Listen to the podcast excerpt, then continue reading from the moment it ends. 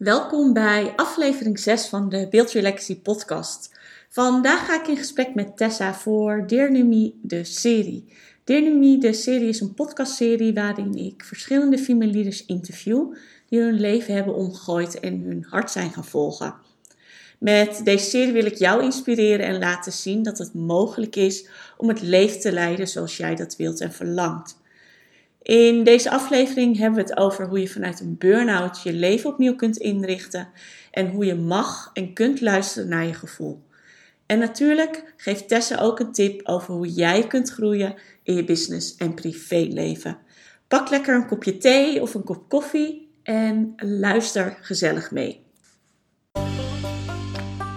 De Build Your Legacy podcast is voor de hardgedreven female leader die klaar is om haar eigen stem te volgen en een nieuwe versie van zichzelf te unlocken. Zodat ze next level kan groeien in haar business en privéleven en de impact maakt waar ze naar verlangt. Ik heb het over zelfleiderschap pakken in je leven, praktische tips om te groeien in je business, maar praat ook over persoonlijke ontwikkeling, mindset en deel persoonlijke ervaringen. Geregeld nodig ik andere female leaders uit om hun verhaal te delen en jou te inspireren om nog meer legacy te leven. Mijn naam is Namfon en ik begeleid jou in het transformatieproces naar de Dear Me versie die nodig is voor het next level dat jij voor je ziet. Met mijn kennis van NLP, transformatief en systemisch coachen, plus meer dan 12 jaar marketingervaring, ben ik jouw persoonlijke cheerleader om je goud te ontdekken en dit uit te bouwen in de legacy die jij wilt achterlaten.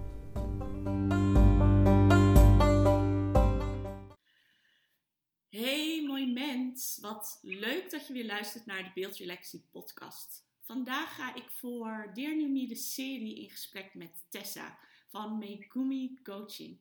Tessa heeft na burn-out haar leven omgegooid en is met haar coachpraktijk gestart en heeft zich daarbij gericht op het innerlijke kindwerk. Iets wat ik super interessant vind. En ik ben benieuwd naar Tessa haar verhaal en ja, wilde haar uitnodigen omdat ik, weet je, omdat er heel veel vrouwen zijn, heel veel mensen zijn die tegen een burn-out aanlopen, dan wel erin zitten. En vanuit dat dal misschien niet altijd meer kunnen zien ja, wat, er, wat er mogelijk is. En ik denk dat Tessa hierin een heel mooi inspirerend voorbeeld kan zijn. Um, die jou kan laten zien dat je altijd de keuze hebt om andere keuzes te maken en je leven om te gooien. Dus uh, Tessa, welkom dat jij hier Dankjewel. aanwezig bent. Dankjewel dat ik er mag zijn. Ja, vertel uh, gerust even wie je bent en wat je doet. Ja.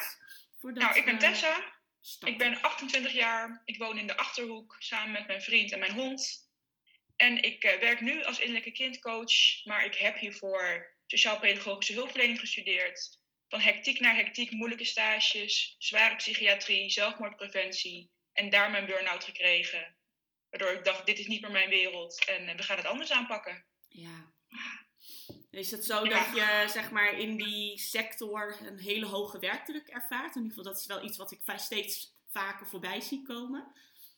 Ja, het was de werkdruk, maar ook gewoon het zelf daar niet veilig zijn. Je weet gewoon, overal is er wel iemand die niet met jou wil werken, want we zitten natuurlijk gedwongen. Ja. Vooral in de psychiatrie. En daar gebeurde zoveel, ook gewoon dat er collega's gestoken werden met en met een mes, dat je bedreigd werd. Dus je bent altijd heel alert met een hele hoge werkdruk en dat werkt gewoon niet. Niet voor mij. Nee, nee. En toen ben je dus gestart met, uh, nou ja, eerst jezelf beter maken. Ja. En uiteindelijk ben je begonnen met Megumi coaching, als ik het goed uitspreek. Ja, wat, uh, ja Megumi. Wat, Megumi. En wat uh, is dat, heeft dat nog een bepaalde betekenis? Zeker, ja. In mijn burn-out voelde ik eerst wel weer ruimte om wat dingen te gaan proberen. Dus toen ben ik eerst aromatherapie gaan studeren, essentiële oliën, mensen daarmee helpen. En ik zocht daar eigenlijk een naam voor die en passend was bij die wereld van dat ja, alternatieve geneeswijze, maar ook die passend was bij mij. En eigenlijk ben ik gewoon, ik heet Tessa Grace. Dus ik ben Grace gaan vertalen naar verschillende talen. En uiteindelijk bij, bij Japans kwam ik uit bij Megumi.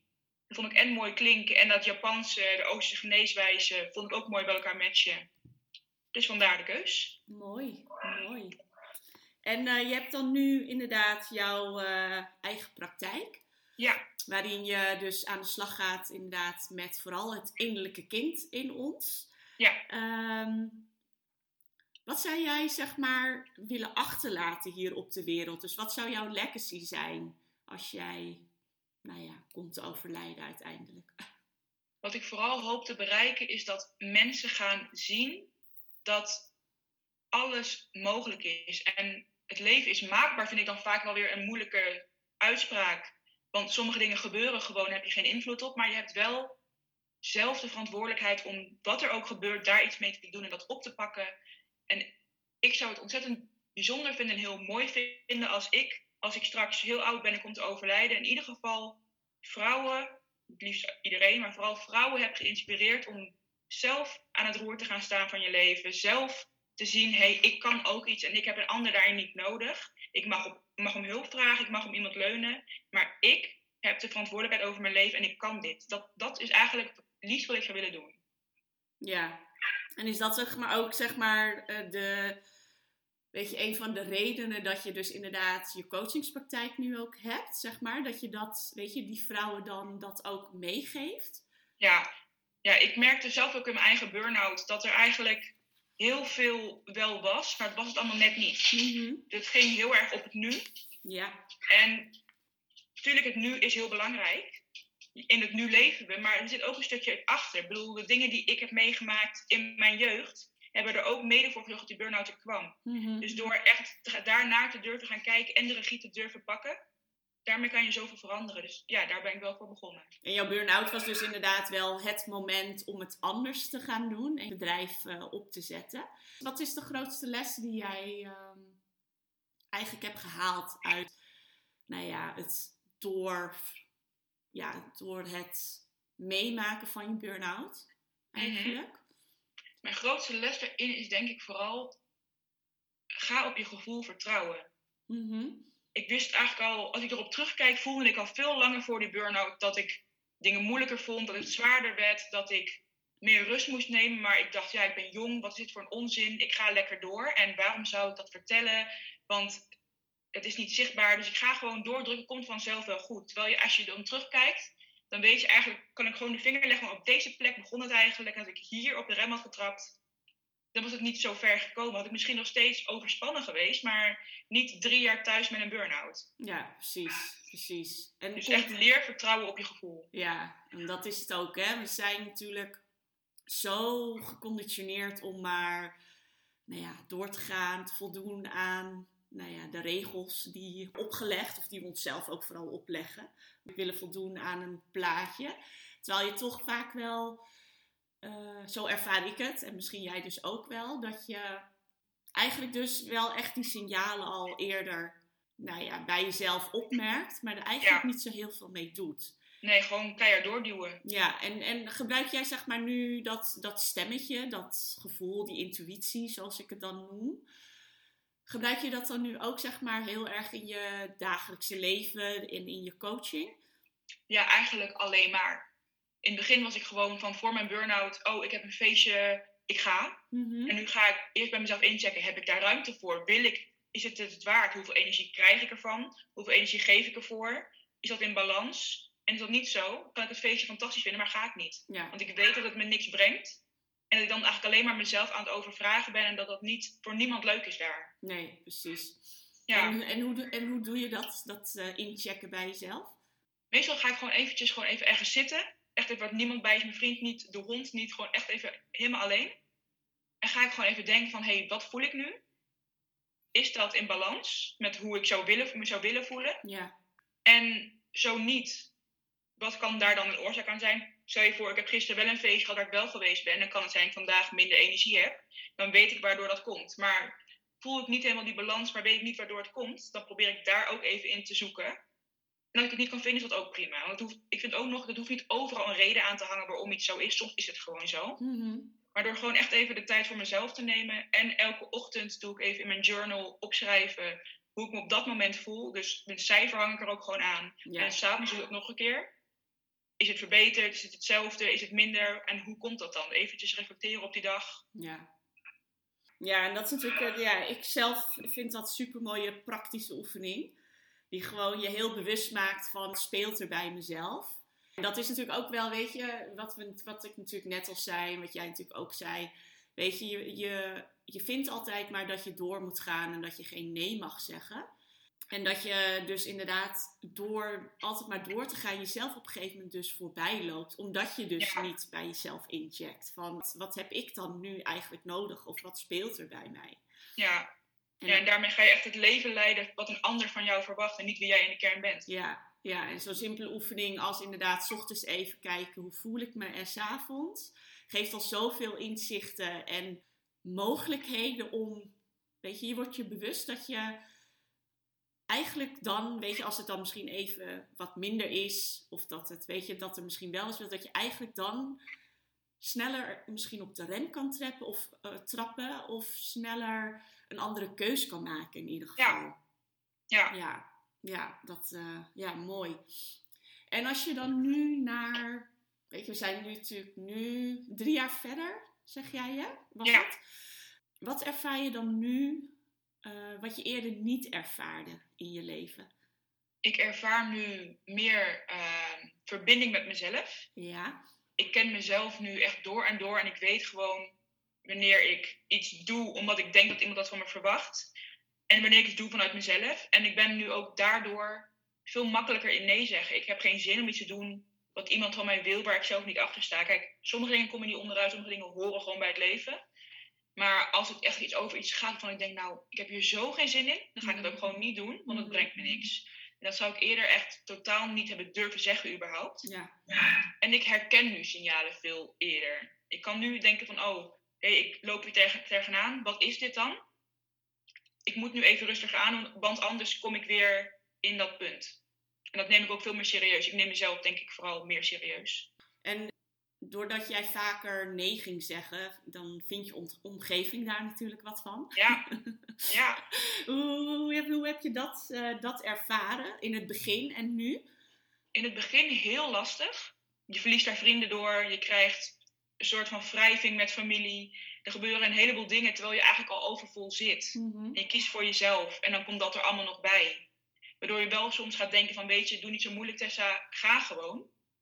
En daar moet je echt hele strakke grenzen voor jezelf kunnen en durven trekken om daarin te blijven. En dat is mij uiteindelijk wel gelukt doordat ik daar hulp bij had. Dat mensen uiteindelijk ook achter mij gingen staan. En daar ook voor gingen staan dat ik niet mezelf nog meer ging overvragen. En nu boeit het me eigenlijk helemaal niks meer. Ik heb uh, bijvoorbeeld mijn oma, ik vind dat heel lastig. Die is heel erg van, ik ben familie, dus ik hoor jou te zien wanneer ik dat van jou vraag, want ik ben ouder. Mm -hmm. En ik word daar heel naar van, merk ik. En dat zou ik eerder zou ik gewoon gegaan zijn en dan wel denken in mijn hoofd van, oh, wat vreselijk, heb je geen zin in dat moet stukje. Ik wil je best zien, maar niet omdat het moet.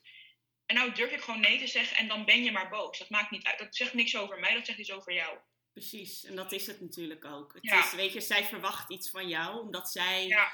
natuurlijk dan een bepaalde behoefte heeft, die ze vervuld wil hebben, en waarvan ze denkt dat jij die kan nou ja, opvullen. Ja, precies. Ja. Ja, ja, dus ik merk wel dat in het begin is het sowieso heel zwaar. Maar je gaat door voor jezelf te kiezen sowieso mensen verliezen. Alleen ik ga dan nu bedenken, wil, had ik die mensen in mijn leven willen houden op deze manier? Nee. nee. Dus eigenlijk is het niet echt een verlies, hoe hard het ook klinkt. Ja, kijk, natuurlijk, en- dat is het natuurlijk ook. Weet je, als mensen natuurlijk niet eh, met jou kunnen zijn om wie je bent, weet je, wat is het er dan nog waard? Nou, precies. toch? Ja, Weet je, dus je vertelt nu net inderdaad al, nee, weet je, dit is een van die hobbels die je dan onderweg tegenkomt. Weet je, dat Ja. je mensen verliest of dat mensen ineens inderdaad anders naar je gaan kijken. Eh, misschien ook misschien wel raar vinden dat je ineens nee gaat zeggen. ja, Ehm, je gaf ook wel aan dat je dus inderdaad, eh, weet je, nu veel dichter bij jezelf blijft, veel makkelijker je grens ook aangeeft en dat het je eigenlijk niet meer boeit. mhm. Zijn er nog andere dingen die jij onderweg bent tegengekomen, waar je, nou ja, die niet zo makkelijk waren, maar waar je uiteindelijk wel echt van geleerd hebt? Ehm, nou ja, vooral hulp vragen. Ik was echt zo'n eh, persoon die altijd alles zelf doen. Ik red mezelf wel, ik heb jou niet nodig. Die mentaliteit had ik eigenlijk altijd. Terwijl ik van binnen dan dacht, alsjeblieft help mij. Maar muurtje erom gaan we niet doen. Mhm. En vooral geen emoties tonen, want ik ben die stoere, harde meid die alles wel even kan. En door die burn-out, dan kan je dat niet meer tegenhouden. Je hebt gewoon even hulp nodig en dat is allemaal prima. En je kan die emoties niet meer onderdrukken, want die komen gewoon in overvloed om alles.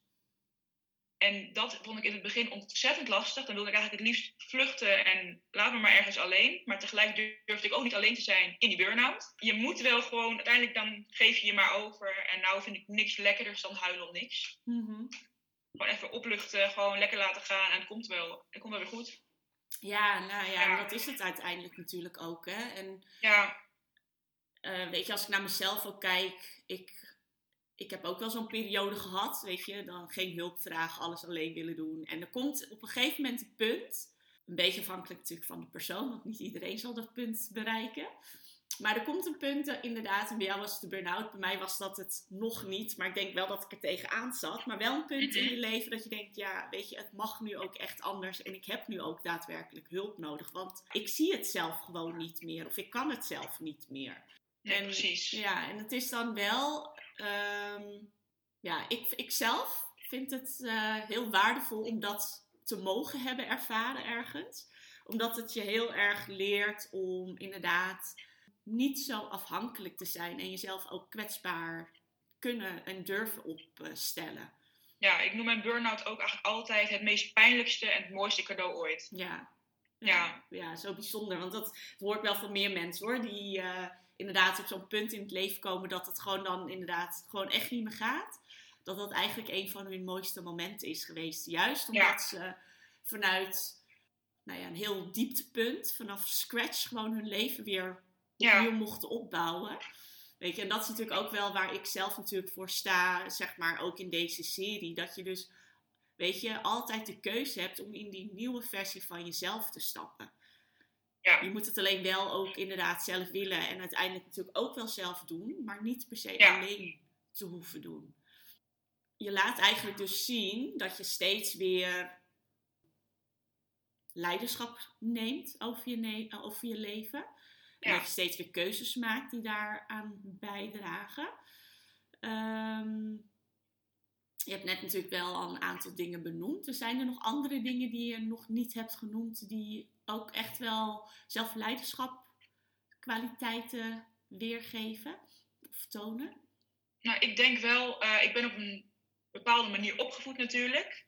En daar ben ik helemaal in meegegaan altijd. Tot die burn-out ook. En toen heb ik eigenlijk bedacht, ja, maar wat jij of als jullie mij hebben meegegeven, is niet per se de waarheid. Mhm. En ben ik daarin ook zelf mee gaan, wat, wat vind ik nou eigenlijk van het leven? Hoe sta ik nou eigenlijk, ook tegenover politiek bijvoorbeeld, hoe sta ik daar nou eigenlijk in? Hoe sta ik tegenover bepaalde geloofsovertuigingen? Wat is voor mij de kern? En door dat echt te gaan onderzoeken, meer te verdiepen in spiritualiteit en echt eigenlijk het leven even op te zuigen en te filteren wat is voor mij belangrijk, wat niet, sta ik eigenlijk nu totaal anders in het leven dan wat ik heb meegekregen. Mhm. Ik ben ook heel vaak met mijn ouders in mijn mening en in mijn visie op het leven. Ja. Maar daarmee ben ik wel meer mij. Ja, en helpt dat dat je meer jezelf bent? Helpt dat zeg maar in het groeien naar zeg maar weer een volgend niveau in je business en je privéleven? Zeker, ja. Ik eh, ben nu altijd eigenlijk in beweging. Ik vind niks leukers dan nieuwe dingen leren, dan blijven ontwikkelen en openstaan voor nieuwe dingen. Ook al klinkt het in mijn hoofd misschien in het begin echt belachelijk. Maar toch te gaan proberen. Ik kan nou niet een mening hebben als ik het niet weet. Ja, Terwijl ik van het vroeger uit heb gele- geleerd. Oogkleppen op de wereld eh, hoef je niet allemaal te kennen en dit is de waarheid. ja. Nou ja, en dat is natuurlijk ook wel, weet je, jij werkt natuurlijk met het innerlijke kindstuk in jouw Mhm. eh, coaching sessies. En de vrouwen die bij jou komen, die lopen natuurlijk ergens tegenaan. En vaak zijn bepaalde gedragingen, gedachtegangen en patronen, nou ja, ik zeg vaak, maar eigenlijk altijd terug te leiden naar eh, het innerlijke kind en het familiesysteem. En Ja. dat daar natuurlijk een bepaalde mate van trauma is ontstaan, klein of groot. Geloof jij erin dat iedereen trauma heeft? ligt gewoon op welke manier trauma vertaalt, maar ik denk van wel.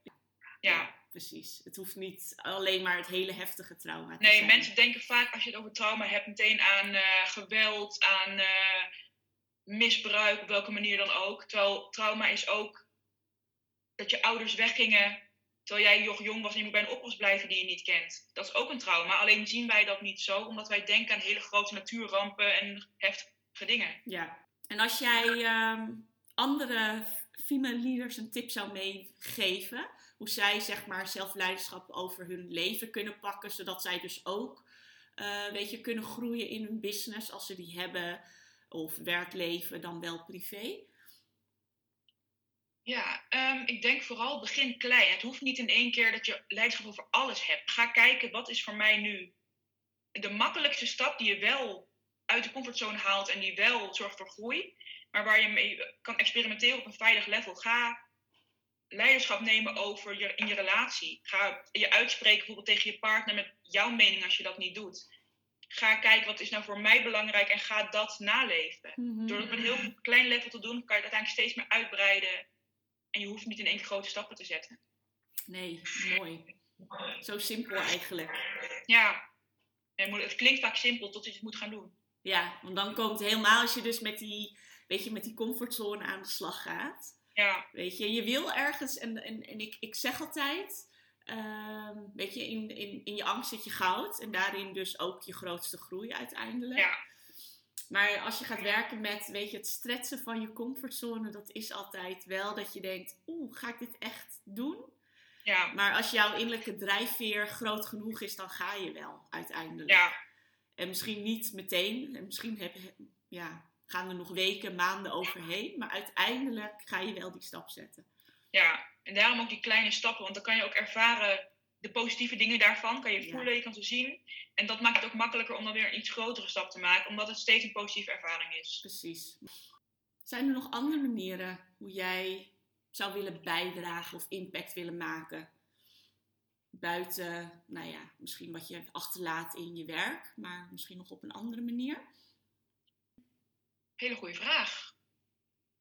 Hoe zou ik nog eh, meer willen bijdragen? Ja, Ja. ik denk, als ik daarover nadenk, dan denk ik ook heel vaak aan jonge meisjes, of gewoon jongeren in het algemeen. Het lijkt mij ontzettend mooi als we dit soort dingen, gewoon lessen over het leven, over jezelf, kunnen gaan integreren in een opleiding of in een studie. Mhm. Dat je op school al niet. Ik bedoel, ik heb niks eh, nu nog aan alle wiskunde die ik heb gehad, maar daar ben je wel mee helemaal doodgegooid. Terwijl als daarvan één uur in de week vervangen zou worden voor les over jezelf, les over het leven, sta je al zo anders en ga je met zoveel meer waardevolle bagage het leven in als puber of als eh jongvolwassene. Ja, Ik zou dat heel mooi vinden als ik daarin iets mee kan bijdragen. Dus bijvoorbeeld te spreken in scholen, lessen te mogen geven. Dat zou me echt heel waardevol lijken. ja. ja, en dat is het natuurlijk ook, hè. Je opvoeders, en nou ja, weet je, dat hoeven dus niet alleen je ouders te zijn, maar eigenlijk alle mensen die in je jongere jaren natuurlijk dichtbij staan. Ja, Weet je, die hebben zo'n grote invloed op hoe jouw wereldbeeld wordt gevormd. ja, En weet je, wat jij natuurlijk zelf ook net al zei, van, weet je, ik sta nu heel anders in het leven omdat ik, nou ja, weet je, dingen ben ondergaan, ik ben dingen aangegaan.